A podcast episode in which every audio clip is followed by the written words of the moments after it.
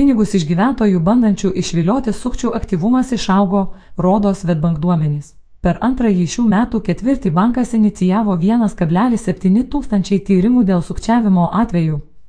Jų skaičius, palyginti su pirmoju ketvirčiu, padidėjo 33 procentai tiesa. Banko taikomos prevencinės priemonės per minėtą laikotarpį gyventojams padėjo išsaugoti daugiau kaip 1,1 milijonas eurų lėšų, kurias apgaulės būdu bandė pasisavinti sukčiai. Pastaruosius keliarius metus stebima tendencija nesikeičia. Sukčiai veikia vis aktyviau ir pasitelkia vis įvairesnius metodus pinigams iš gyventojų išvilioti. Kaip rodo mūsų statistika, dažniausiai naudojami apgaulingi laiškai ar SMS žinutės, kuriomis atsiunčiamos suklastotos prisijungimo prie interneto banko ar mokėjimo nuorodos. Taip sukčiai bando išvilioti asmeninius prisijungimo duomenis ar paskatinti žmogų atlikti pinigų pavedimą, sako Svetbank vyriausioji informacinės saugos vadovė Erika Skersytė. Anot Erikos Skersytės, tokie duomenų išviliojimo NGL Fizink atvejai per antrą ketvirtį sudarė apie 63 procentai visų Svetbank pradėtų tyrimų dėl sukčiavimo. Nepaisant didelio tokio tipo atakų skaičiaus, bankui pavyko padėti gyventojams įsaugoti daugiau kaip 816 tūkstančių eurų, o gyventojų patirti nuostoliai sudarė apie 150 tūkstančių eurų, išnaudoja psichologinį pažeidžiamumą. Antroje vietoje pagal sukčiavimo atvejų dažnumą buvo fiktyvūs investavimo pasiūlymai, kurie per antrą ketvirtį sudarė apie 17 procentų visų sukčiavimo atvejų. Tiesa, dėl jų gyventojai patyrė didžiausius nuostolius, kurie bendrai sudarė daugiau kaip 250 tūkstančių eurų. Bankui pavyko gyventojams įsaugoti apie 128 tūkstančiai eurų. Fiktyviais investavimo pasiūlymais gyventojus viliojantys sukčiai dažnai žada itin didelį uždarbį per trumpą laiką. Visus investavimo žingsnius siūlosi atlikti patys klientui į įrenginį rekomendavę įsidėkti nuotolinio valdymo programėlę Anidesk, TMVR ar PAM bei kviečia investuoti per mažai žinomas platformas. Todėl gyventojai itin atidžiai turėtų vertinti tokius pasiūlymus, pasitarti dėl jų su patirtį investavime turinčiai žmonėmis ar savo banko konsultantų, patarė Svetbank atstovė.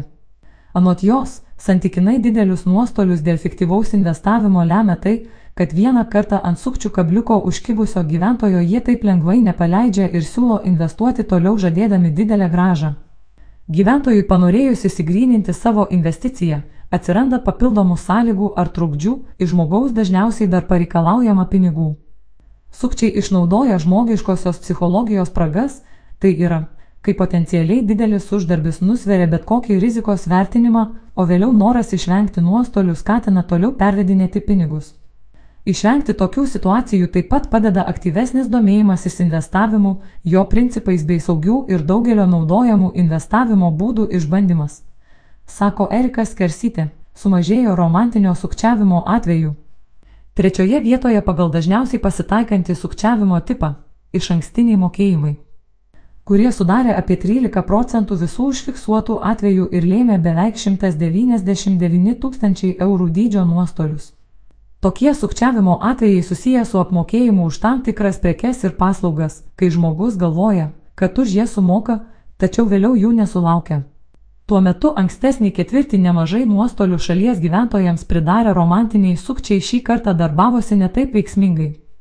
Per balandį birželį Svetbank užfiksavo 33 tokio tipo sukčiavimo atvejus arba 1,7 karto mažiau o patirtų nuostolių suma siekė apie 21 tūkstantį eurų ir buvo apie 10 kartų mažesnė nei per ankstesnį ketvirtį. Bankui pavyko į romantinių sukčių pinklės įkliuvusiems klientams įsaugoti apie 62 tūkstančiai eurų. Sukčių aktyvumas toliau auga. Nors gyventojų patirti nuostoliai dėl sukčiavimo per antrą ketvirtį buvo mažesni nei per pirmą, sukčiavimų atvejų skaičius yra linkęs aukti toliau ir šįmet turėtų viršyti praėjusių metų mastą. Per pirmąjį pusmetį pradėjome apie 3000 tyrimų dėl sukčiavimo atvejų, kai per visus praėjusius metus buvo pradėta apie 3,8 tūkstančiai tokių tyrimų. Pozityvę tendenciją galima laikyti tai, kad, nepaisant vis aktyviau veikiančių sukčių, gyventojų patiriami nuostoliai reikšmingai neišaugo. Tai lemia didėjantis gyventojų samoningumas ir atsargumas bei nuolatos banko tobulinamos prevencinės priemonės.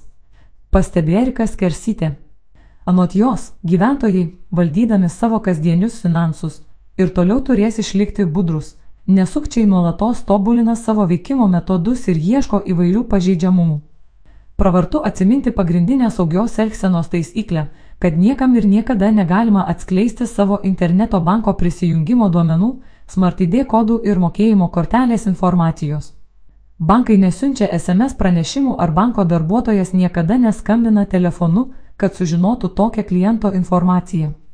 Gyventojai susidūrus su galimu sukčiavimo atveju, reikėtų nedelsiant apie tai informuoti banką ir teisėsaugos institucijas.